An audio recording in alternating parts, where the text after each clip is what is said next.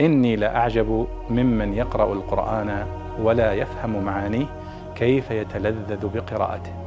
كيف يتلذذ بقراءته.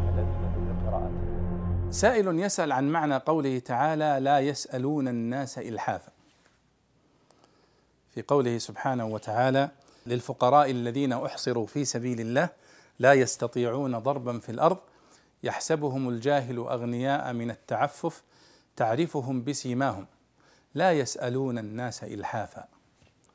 يقول ما معنى إلحافا؟ إلحافا. وش معنى كلمة الحافا فالجواب أن الإلحاف في السؤال هو الإلحاح في السؤال. لا يسألون الناس إلحافا يعني لا يسألون الناس سؤالا فيه إلحاح وفيه إلحاف. ولا غير ذلك. يعني الآية تحتمل معنيين. أن هؤلاء الفقراء الذين أحصروا في سبيل الله لا يستطيعون ضربا في الأرض تعرفهم بسيماهم يعني علامة الفقر واضحة عليهم. من صفات هؤلاء المتعففين أنهم لا يسألون الناس مطلقا. لكن الله لم يقل لا يسألون الناس مطلقا قال لا يسألون الناس إلحافا. يعني لا يسألون الناس سؤال إلحاف وإلحاح و يعني طلب إكثار من الطلب. فهذا يعني مدح لهم أنهم لا يسألون الناس بشكل فيه إلحاح. فهل معنى ذلك أنهم يسألون الناس ولكن يسألون الناس بأدب؟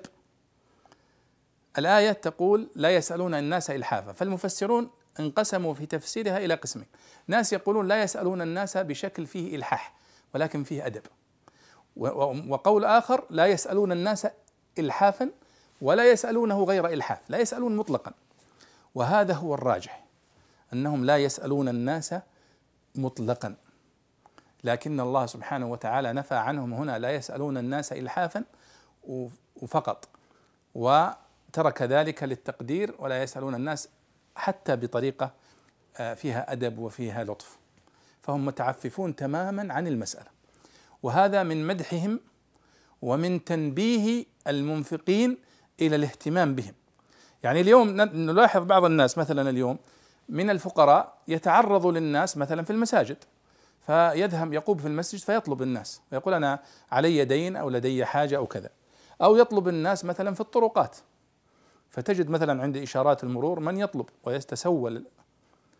ولكن هناك أناس متعففون تماما في بيوتهم لا يقدمون على جمعيات خيرية ولا يسألون الناس في المساجد ولا غيره فالله يقول هؤلاء ينبغي الاهتمام بهم والالتفات إليهم لأنهم لا يسألون الناس إلحافا.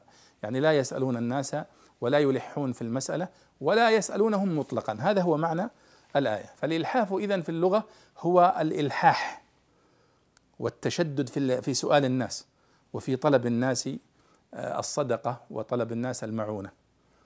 وهنا الإلحاف إذن هو الإلحاح. والله أعلم.